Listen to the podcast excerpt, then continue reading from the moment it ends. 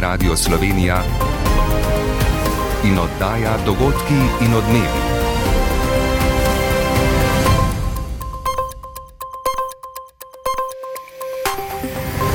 Ura je 15 in 30 minut. Dober dan. Pozdravljeni. Vodstvo policije je seznanjeno s poročilom notranjega ministrstva o nepravilnostih pri varovanju protestov v času epidemije. Pri 13 policistih, tudi 4 vodilnih, so zaznali sume kaznevih dejanj. Glede morebitnih sankcij znotraj policije, pristojna ministrica Sanja Ajanovič-Hovnik pojasnjuje. Če bi policija, torej delodajalec v tem primeru, izvedel tudi kakšno odpoved delovnega razmerja, bi bila ta odpoved nezakonita. Zakaj? Zaradi oddaljenosti samih dogodkov. Primere so predali specializiranemu državnemu tožilstvu. Interpelacije z oper ministrico za kulturo Asto Vrečko zaradi združitve dveh muzejev za zdaj ne bo. Predlagateljica NSI je namreč ostala brez podpisov SDS. Kot v odzivu pravi ministrica, je bila na interpelacijo pripravljena, je pa žal, da se je prejšnja vlada pravzaprav odločila na ta način ad hoc ustanoviti muzej brez zbirke, brez ustreznih pogojev. Začetek vrha med Evropsko unijo in Ukrajino so zaznamovale sirene za zračni napad. Nemčija bo Ukrajino ob tankih Leopard 2 postala tudi njihove predhodnike prve generacije. Koperski kriminalisti so kazansko ovadili 65-letno izolanko, ki je delala kot osebna negovalka. Očitajo ji veliko tatvino in nasilništvo nad starejšimi. Davor Tozan z Koperske kriminalistične policije smo upravili hišno preiskavo in drugih prostorov pri osumljeni in pri tem zasegli več kosov nakita. Jutri bo pretežno jasno, pihal bo okrepljen severni veter, v nedeljo pa oblačitev. Z vami sva Ana Štraus in Rok Kužel. V torek se je iztekel rok, ki ga je začasna vodja notranjega ministerstva Sanja Janovič-Hovnik postavila vodstvu policije, da preuči poročilo izrednega nadzora nad delom policije pri varovanju protestov v času tretje Janševe vlade in po potrebi izvede delovno-pravne in druge postopke za ugotavljanje odgovornosti posameznikov. Na generalni policijski upravi pa so torek pojasnili, da postopki še niso končani in da bodo izvršitev navodila morda podaljšali do konca tedna, tako da sta vršilec dožnosti generalnega direktorja policije Boštjan Lindav in ministrica šele danes predstavila izvedene ukrepe. Za nekaj pojasnili je z nami Robert Škarjanc, pozdravljen. Ja, lep pozdrav. No, kot smo slišali, je policija ugotovila več strokovnih nepravilnosti, a so zaradi časovne oddaljenosti dogodkov nekateri delovnopravni pogoji že zastarali in bi bili postopki odpuščanja nezakoniti. Ja, tako je. Prvi policist Boštjan Lindav pa pravi, da je poročilo policije postavilo ogledalo ter da je, kot kaže ugotovitve, ta šla v določenih primerjih celo čez dopustno mero.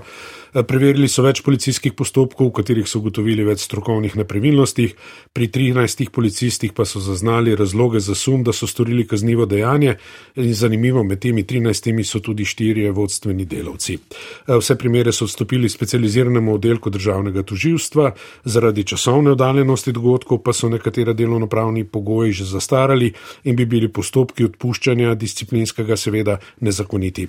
V bistvu pa bi jih moral začeti že prejšnji direktor Anton Olaj, ki se kljub poročilu, ki je prekozovalo določene nepravilnosti, za tak korak ni odločil. Zastavlja se tudi vprašanje odgovornosti politikov, ki so hodili v operativne centre, pa tudi preko socialnih omrežij nekako neposredno usmerili delo policije in pri tem Lindo priznava. Policija v notranje varnostnih postopkih ne more ugotavljati kakršne koli odgovornosti politikov, je pa stvar, da ima celotno poročilo poseben oddelek uh, tožilstva in tožilstvo je seveda v svojih pristojnostih lahko začne ob podanih razlogih seveda predkazanski postopek zopr uh, kogar, kogarkoli. Robert pa je bila začasna vodja notranjega ministrstva Sanja Janovič-Hovnik zadovoljna z ugotovitvami. Ja, saj tako je dejala, predvsem pa zato, ker je policija že izvedla nekatere ukrepe. Pri tem imamo v mislih kar 63 razgovorov z uslužbenci policije, v katerih so jih upozorili na ugotovljene strokovne nepravilnosti. Na policiji so izvedli tudi določeno usposabljanje te posvete za policijske vodje in za delavce v operativnih štabih ter za policiste posebne enote. Bilo je izrečenih tudi nekaj opozoril. Hovnikovi pa je tudi jasno, da zaradi časovne oddaljenosti danes ni več možno disciplinsko ukrepati proti določenim kršiteljem, bodo pa zato pripravili določene spremembe zakonodaje, da do takih zlorab v prihodnje ne bi več moglo priti. pripravljamo sistemske spremembe, ki bodo preprečevale politiki, da se upleta v operativno delo operativnih štabov, kot je to bilo tu na tem mestu. Politična odgovornost kot taka pa je predvsem na družbi, ki bo to prepoznala kot nepravilno ravnanje politike. No, povemo pa še, da je povdarjala, da ne gre za nikakršen lov na čarovnice ali nek revanšizem, saj se tako policija kot notranje ministrstvo v nobeni točki nista poimensko izrekali ali na kogarkoli kazali s prstom, kdo je kriv in zakaj, ampak v poročilih navajata zgolj dejstva, ki so tudi seveda ustrezno argumentirane. Robert, najlepša hvala za ta pojasnila. Z veseljem. Nova Slovenija ne bo vložila interpelacije o delu ministrice za kulturo Aste Vrečko, ki so jo napovedovali zaradi združitve Muzeja slovenske osamosvojitve z Muzejem novejše zgodovine. NSI ima osem poslancev, za vložitev interpelacije bi potrebovali deset podpisov, njihovo trkanje na vrata SDS pa ni bilo uspešno. NSI ob tem ne bo prispevala poslanskih podpisov za interpelacijo o delu celotne vlade, ki jo napoveduje SDS. Ne nazadnje zato, ker v največji opozicijski stranki očitno ne nameravajo storiti še naslednjega koraka, ki je za NSI smiseln, to pa je vložitev konstruktivne nezaupnice. Ministrica za kulturo v tem merjenju moči na politični desnici vidi nadaljevanje slabo premišljenih potez, ki so pripeljale do ustanovitve Muzeja slovenske osamosvojitve. Tomaš Celestina. V Novi Sloveniji so podpise pričakovali do danes, do opoldne. Ni jih bilo. Vodja poslancev NSI Janez Cigler Kralj. Žal teh podpisov Nova Slovenija ni prejela in zaradi tega tudi sporočam, da te interpelacije ne moremo vložiti in je seveda tudi ne bomo vložili. NSI ob tem očitno ne bo prispevala podpisov pod interpelacijo o delu celotne vlade, ki jo napovedujejo v SDS. Cigler kralj pravi, da jih zanima, kdo bi bil kandidat za predsednika vlade v logičnem nadaljevanju interpelacije, to bi bila konstruktivna nezaupnica. Da se nam zdi samo razprava, celodnevna razprava na to temo um, nesmisla, ne dovolj močna in da je potrebno tako močno orodje opozicije, kot je interpelacija celotne vlade, po našem mnenju nujno zaključiti s predlogom konstruktivne nezaupnice vladi. Ministrica za kulturo Asta Vrečko je ponovila, da se interpelacije ni bala, ker da so argumenti na njeni strani, očitki pa neosnovani. Ozrla se je v mandat prejšnje vlade. V resnici mi je uh, najbolj žal tudi uh, gledajoč nazaj, da se je prejšnja vlada pravzaprav odločila na ta način ad hoc ustanoviti muzej brez zbirke, brez ustreznih pogojev in brez nekih uh, trdnih temeljev, da bi lahko pravzaprav muzej slovenske osamosvojitve zaživel. V NSI so ob tem dejali, da je zdaj na potezi civilna družba. Ministrica za kulturo pa pravi, da je seveda vsako izražanje mnen legitimno, želi pa si umirene razprave brez hujskanja. Januarja je bila brezposelnost za 4 odstotke večja kot decembra, kaže statistika Zavoda za zaposlovanje. Brez dela je bilo nekaj več kot 55.300 ljudi. Na medletni ravni je sicer število registriranih brezposelnih za nekaj več kot 18 odstotkov manjše. Delodajalci, med katerimi jih je bilo največ iz gradbeništva, predelovalnih dejavnosti, zdravstva in socialnega varstva ter izobraževanja, so januarja Zavodu sporočili za skoraj 40 odstotkov več prostih delovnih mest kot v predhodnem mesecu in 3 odstotke manj kot v enakem mesecu lani. Potem, ko je Evropska centralna banka včeraj že petič zapored zvišala temeljne obrestne mere, pa boj s trdovratno inflacijo v območju evra še zdaleč ni dobljen. Inflacija v državah z evrom je bila namreč na letni ravni januarja 8,5 odstotna, kar je daleč od ciljne 2 odstotne. Vse više obrestne mere in s tem dražje zadolževanje pa vse bolj vplivajo tudi na ohlajanje gospodarske aktivnosti. Urška je rep. Čeprav je inflacija januarja z decembrske 9,2 upadla na 8,5 odstotka, v Evropski centralni banki s tempom upočasnevanja inflacijske spirale še zdaleč niso zadovoljni. Guverner Slovenske centralne banke Boštjan Vasle. Inflacija, kot jo merijo statistični uradi, se je v zadnjih treh mesecih res kar eh, pomembno znižala, vendar pa na drugi strani ostaja osnovna inflacija zelo visoka in pa pritiski za morebitno nadaljno rast cen, predvsem z področja plače še vedno ostajajo povišeni. To pomeni, da so upadle le cene energentov, medtem ko cene storitev in hrane ustrajajo na visokih nivojih. Zato smo se odločili, da bomo z poviševanjem obrestnih mir eh, nadaljevali tudi v območje, ki bo že pomenilo eh, nekolikšno restriktivnost za gospodarsko rast. Kot napoveduje Vasle, bo tako ECB prihodnji mesec v novič zvišala temeljne obrestne mere za nicelih pet odstotne točke. Kaj bo sledilo zatem, pa je ta hip ne mogoče napovedati. Vsekakor draže zadolževanje že vpliva na zmanjšan obseg investicij, tako gospodarstva kot gospodinstv. Lahko pričakujemo recesijo?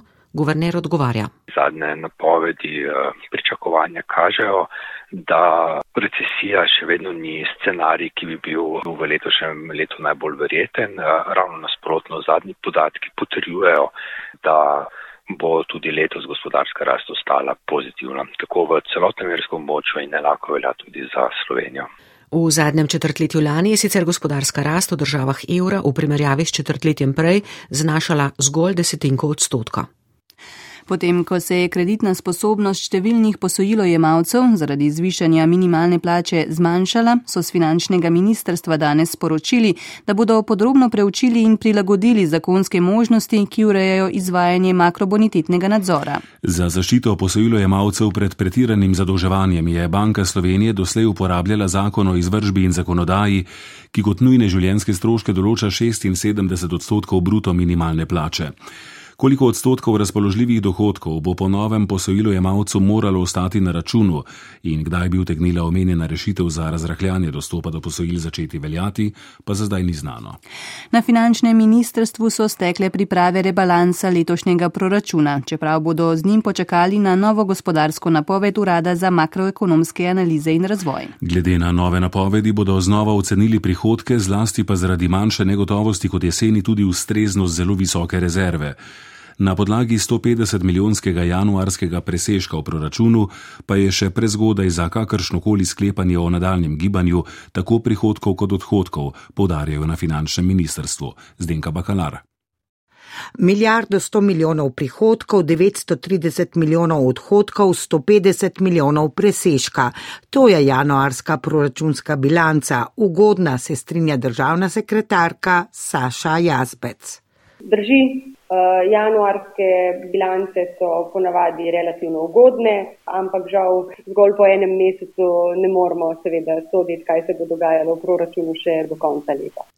Dohodnine je malenkost manj kot januarja lani, prilivi od DDV-ja povsem enake kot lani, trošarin je več. Trošarine so nekoliko porasle zaradi zvišanja trošarin na tobak. Odhodki so bili zmerni 930 milijonov, prihodnje mesece bodo gotovo višji. Bojo pa prišli počasi računi tudi iz teh interventnih zakonov za blaženje energetske krize, tako da naslednji meseci vsekakor ne bodo javno finančno gledano tako ugodni. Izdatki za plače so višji za 10 odstotkov, je še prostor za številne zahteve po višjih plačah, počakati bodo morale na nov plačni sistem. To so zahteve in je vlada pripravila izhodišča novega plačnega sistema in cilj vlade je, da se teh parcialnih pozivov k dvigu plač zdaj enostavno eh, ne uresničuje. Rebalans proračuna je torej predviden konec marca, začetek aprila. Za zdaj pa na finančnem ministrstvu še ne morajo zatrditi, da bodo znižali več kot 3 milijardni primankljaj, saj je med višjimi v Evropski uniji. V nadaljevanju dogodkov in odmevov v Kijev, kjer poteka vrh Evropske unije in Ukrajine, iz Berlina prihaja vez, da Nemčija pošilja na bojišča tudi starejše tanke Leopard 1. Naš ameriški dopisnik pa se je pozanimal o domnevnem kitajskem vohunskem balonu nad ozemljem Združenih držav. V zadnjem delu daje podrobneje tudi o hudi prometni nesreči romunskega avtobusa na pomorski avtocesti, v kateri so zjutraj umrli trije ljudje, trije so huje poškodovani. Voznik avtobusa je zapeljal desno izven vozišča, kjer se je avtobus s priklopnikom prevrnil na bok v Jarek. Koperski kriminalisti pa preizkujejo 65-letnico iz Izole, ki je opravljala naloge osebne negovalke, ob tem pa izkoristila več oskrbovancev, ki jim je kradla nakit in gotovino, ter bila do najmanjene žrtve tudi nasilna. Predsednik Evropskega sveta Charles Michel in predsednica Evropske komisije Ursula von der Leyen sta se v Kijevu srečala z ukrajinskim predsednikom Volodimirjem Zelenskim. To je prvi vrh med Evropsko unijo in Ukrajino od začetka ruske agresije in odkar je Ukrajina dobila status kandidatke za članstvo v uniji. Začetek vrha so zaznamovali sirene, ki so opozarjale na nevarnost zračnega napada, alarm pa se je iz Kijeva na to razširil po vsej državi. V Bruslju je zdaj z nami Mojca Širok, pozdravljena. Mojca vrh poteka o poostrenih varnostnih ukrepih, vse informacije o logistiki so tajne, kaj pa je do zdaj vendarle znanega o poteku srečanj. Dobar dan, ja, tako je. Srečanje poteka za tesno varnostno barikado, tudi tiskovne konference po koncu zaseden ne prenašajo v živo, kar je sicer običaj, ampak bodo posnetek objavili naknadno. Za zdaj lahko povem, da je predsednica Evropske komisije Ursula von der Leyen potem, ko je včeraj napovedala, da bo Unija novi, že deseti svežen sankcij proti Rusiji uvedla še pred prvo zače obletnico začetka vojne 24. februarja, danes še pojasnila, da bodo sankcije upirjene tudi proti proizvodnju proizvajalcem delov za ruske drone, ki jih Rusija uporablja v Ukrajini. Ukrajinski predsednik Zelenski pa je povdaril, da morajo mednarodne sankcije Rusiji predvsem preprečiti, da bi obnovila in krepila svoje vojaške sposobnosti. In dodal je še, da je Bahmut ukrajinska trdnjava in da ga Ukrajina ne bo nikoli spustila iz rok. Ukrajinska vojska pa bi po njegovih besedah lahko osvobodila vse zasedeni Donbas, če bi imela orožje dolgega dosega. No, med osrednjimi temami vrha je tudi približevanje Ukrajine Evropski uniji, to je bila tudi tema včerajšnjih srečanj z Evropsko komisijo. Kaj še so oblasti v Kijevu lahko slišali danes? No, predsednica von der Leinova je ponovila, da ni mogoče govoriti o strogi časovnici procesa ukrajinskega približevanja Uniji, ampak o ciljih, ki jih je treba doseči. Kot je znano, želi Ukrajina Unijo čim prej, saj bi bilo to za državo v vojni izjemnega pomena, Brusel pa potem, ko je že status kandidatke Ukrajini podelil z rekordno hitrostjo, več od tega ne more dati. Evropska komisija pozitivno ocenjuje zagon, ki ga ima Kijev vojnim razmeram na vkljub pri sprejemanju zakonodaje, še posebej pa povdarja pomen reform za boj proti korupciji, ki je v Ukrajini pred vojno in med vojno velik politični in gospodarski problem. Hvala za tole oglašanje, mojca širok in lep pozdrav v Bruselj. Nemška vlada se je odločila za dodatne pošiljke tankov v Ukrajini, je danes potrdil tiskovni predstavnik Štefan Hebestreit. Kot je dejal, so izdali izvozno dovoljenje za starejše tanke Leopard 1, potem ko je Nemčija pred tedni odobrila dobavo 14 tankov Leopard 2. Norveški premijer Jonas Garstere pa je napovedal, da bo njegova država kupila 54 nemških tankov Leopard 2, s katerimi bodo nadomestili starejše različice. Po njihovih besedah obstaja možnost nakupa dodatnih 18. Ameriško obrambno ministrstvo je sinoči poročalo o domnevno kitajskem vohunskem balonu, ki so ga opazili že nad Kanado, nekaj zadnjih dni pa naj bi letel nad Združenimi državami, včeraj nad zvezdno državo Montana. Svoje vrstna uvertura za zunanjega ministra Antonija Blinkna, ki v noči na ponedeljek začenja obisk na kitajskem, kjer je bil na zadnje leta 2018 iz Washingtona Andrej Stopar. Balon naj bi sprva letel nad Aleuti in Aljasko, stopil v zračni prostor Kanade, ne to pa na severozahod ZDA, kjer so podzemne vojaške baze in jedrska izstrelišča. Ameriške in kanadske oblasti sodelujejo pri sledenju balonu, ameriška stran pa je sprva razmišljala o sestrelitvi, kar bi še dodatno zapletlo odnose s Kitajsko. Predstavnica kitajskega zunanega ministrstva Mao Ning. Kitajska je odgovorna država, ki vse čas natančno spoštuje mednarodno pravo. Kitajska nima nikakršnega namena kršiti nedotakljivosti ozemlja in zračnega prostora katerekoli suverene države. Kar pa zadeva balon, preučujemo in preverjamo razmere, pri tem pa upamo, da boste obe strani zmogli razmerje obladati s sodelovanjem, mirno in previdno.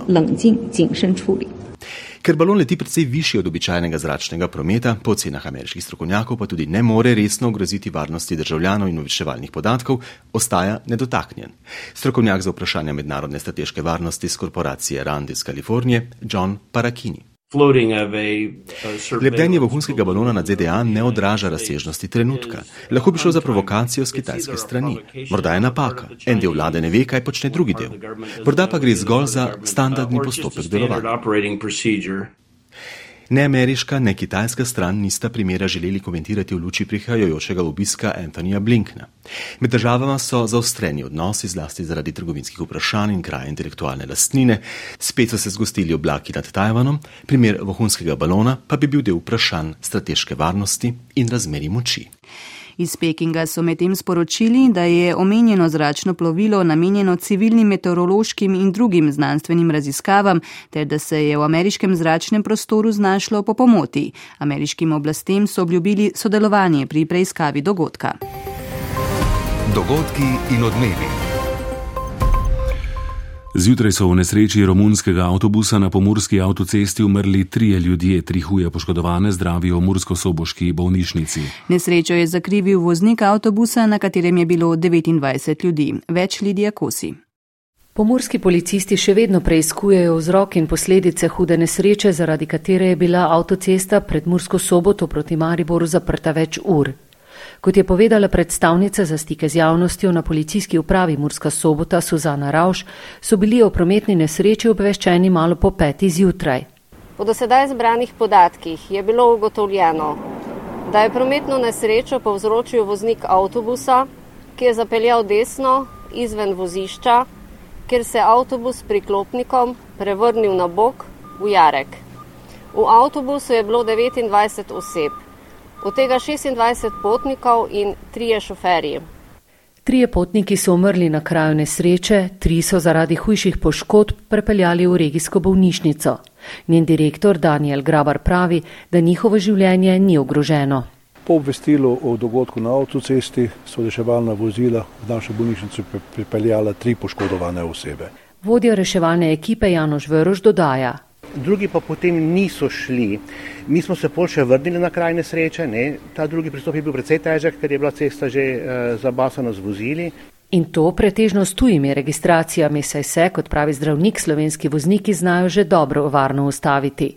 Kot so potrdili na policiji, so za ostale potnike poskrbeli predstavniki Darsa, preiskovalna sodnica pa je odredila tako izredni tehnični pregled avtobusa kot strokovni pregled vseh treh voznikov. Koperski kriminalisti preizkujejo kazniva dejanja velikih tatvin oziroma tatvin denarja in vrednejšega nakita ter nasilništva. Osumljena je 65-letna izolanka. Iz prijav oziroma ovadb ter zbranih obvestil je razvidno, da je osumljena upravljala naloge osebne negovalke v različnih časovnih obdobjih in pri več oskrbovancih. Pri tem naj bi izkoriščala in zlorabljala njihovo starost, zdravstveno stanje in nemoč. Več Mateja Brežan. Preiskava je do zdaj pokazala, da si je osumljena izolanka v času opravljanja nege protipravno prilastila nakit in denar na škodo več starostnikov. Vrednosti še niso ocenili. Vsaj v enem primeru pa je bila do skrbovanke nasilna, poniževala jo je in spravljala v podrejeni položaj. Davor Tozan iz sektorja kriminalistične policije policijske uprave Koper. Na podlagi odredbe preiskovalnega sodnika smo upravili hišno preiskavo in drugih prostorov pri osumljeni in pri tem zasegli več več kosov nakita. Po upravljeni hišni preiskavi smo z operosumljeno podali kazensko ovadbo za veliko tetvino, za katero je po kazenskem zakoniku zagrožena kazen do petih let zapora in v enem primeru za kaznivo dejanje nasilništva, za katero je zagrožena kazen do dveh let zapora. 65-letnico so policisti v preteklosti že obravnavali na zadnje v letih 2020-2021 za enaka dejanja. Policisti tudi še ugotavljajo, ali je imela oskrbovalka urejen delovni status. Bomo pa v ugotovitvah obvestili tudi delovno inšpekcijo. Kot je do zdaj znano, je delo negovalke upravljala samo na območju Slovenije. Smo se povezali tudi z bližnjimi varnostnimi organi in smo jih zaprosili za njihove podatke. Za zdaj so zbrali tri prijave oškodovancev zaradi tatvin in eno zaradi nasilništva. Pozivajo pa morebitne žrtve, da pokličejo 113 ali se zglasijo na najbližji policijski postaji. Še enkrat povejmo, da se je vrh policije seznanil s poročilom notranjega ministrstva o delu policije pri varovanju protestov v času epidemije. Pri 13 policistih so zaznali sume kaznjivih dejanj, kot so protipravni oduzem prostosti, kršitev človeškega dostojanstva in zloraba uradnega položaja. Med osumljenimi so tudi štirje vodstveni delavci v policiji. Interpelacije zoper ministrico za kulturo Asto Vrečko za zdaj ne bo. SDS-ovi poslanci namreč niso prispevali podpisov pod predlog NSI, ki pa sama nima dovolj podpisov za vložitev interpelacije. Povejmo še, da je v starosti 88 let umrl oblikovalec Pako Rabane, ki je leta 1966 v Franciji ustanovil oblikovalsko hišo z istim imenom. V Španiji rojeni oblikovalec je pred vojno pobegnil v Pariz, kjer se ga je prijelo ime Enfant terrible francoske mode. Zaslovel je z linijo oblačil, za katere je uporabljal tudi neobičajne materijale, kot so kovina, papir in tudi čokolada, ter številnimi dišavami. Sledi še pregled športnega dogajanja, z vami bo Nina Smole. Prijetno nadaljevanje popodneva. In nasvidenje.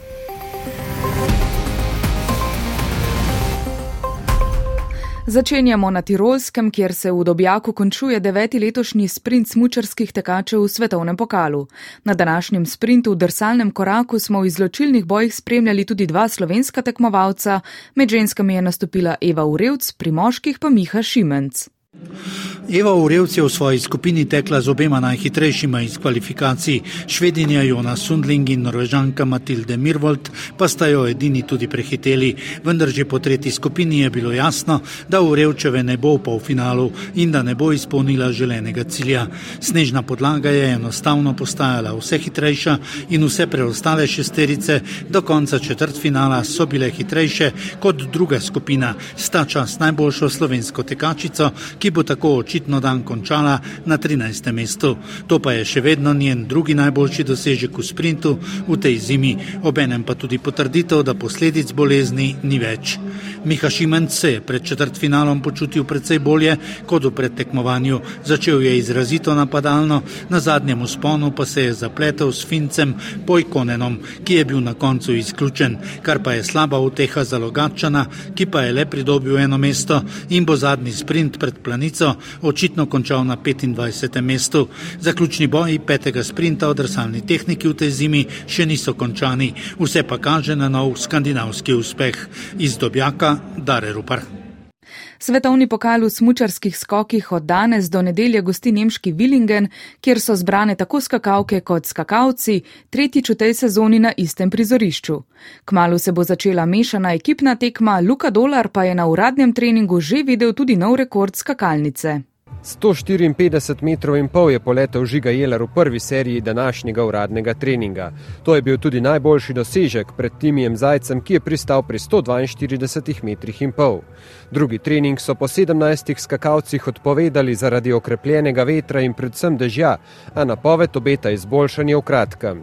Že do povdne pa so trenirale skakalke, kvalifikacij zaradi majhnega števila le 36 prijavljenih ni bilo, dobre občutke pa je tudi na največji skakalnici na svetu našla ima klinec, najboljša je bila v prvi seriji 136 metri in pol. Skoki se bistveno razlikuje eno drugega, tako da uh, gremo hitro, samozavestno v misli. Na mešani ekipni tekmi, ki jo je lani Slovenija v postavi klinec, cene prijel Curša Bogataj in Anžela Nišek zanesljivo dobila in s tem napovedala tudi olimpijsko zlato, bodo skakali še Nika Križnar, ki išče pot iz krize, ter prej omenjena Žiga Jelar in Timi Zajc. Slovenska teniška reprezentanca je pred zahtevno nalogo v kvalifikacijskem dvoboju za preboj v prvo euroafriško skupino Davisovega pokala. Igra se na tri zmage, Slovenija pa je uvodni dan proti Turčiji brez osvojenega niza izgubila oba dvoboja. Podrobneje Luka Petrič. Suvereno vodstvo Turčije v Carigradu le preslikava razmerje moči in stanje na svetovni lestvici. Oba domačina sta nekaj sto mest pred slovenskima najstnikoma. Sebastian Dominko je doslej med posamezniki igral le v dvobojih, ko je bil skupni zmagovalec preizkušnje v Davisovem pokalu že znan, tokrat pa ni našel proti orožja za prvi domači lopar za Altuga Čelik Bileka. Izgubil je na dve in tri. Vse do sredine drugega niza pa je kazalo, da se bo podobno končal tudi dvoboj Ilkel Artnak, a se je najboljši slovenec vrnil po zaostanku 4 proti 1, je izenačil na 4, zatem pa bi lahko Bor Artnak prelomil dvoboj v svojo korist. Velik priložnosti, sploh pa R5-5, kjer sem iz 41 prišel na breg žogo, naredil neumnost, nažalost. Potem je ja, taj breg imel momentum, žal Mogoče on malo bolj izkušen. Dobro odigral, jaz malo slabše, malo smole, dal sem vse v sebe, to lahko zagotovim. Ni pa še nezgubljeno. Slovenija mora za skupno zmago jutri dobiti vse preostale dvoboje. Najprej bo igra dvojic, potem pa še dva posamična dvoboja. Zaključujemo še eno teniško novico. Tamara Zidenšek je nastope na turnirju VTA na Tajskem končala v četrtfinalu. V posamični konkurenci je danes dve proti nič izgubila proti 54 igralki sveta, kitajki Linzu. V dvojicah sta bili za avstralko Ellen Perez prvi nosilki, a svojo pot prav tako končali v četrtfinalu. Poslušali ste oddajo Dogodki in odmevi. Urednik Niko Robaus, voditelja Ana Štraus in Rok Koželj tonski mojster Matic Ferlan.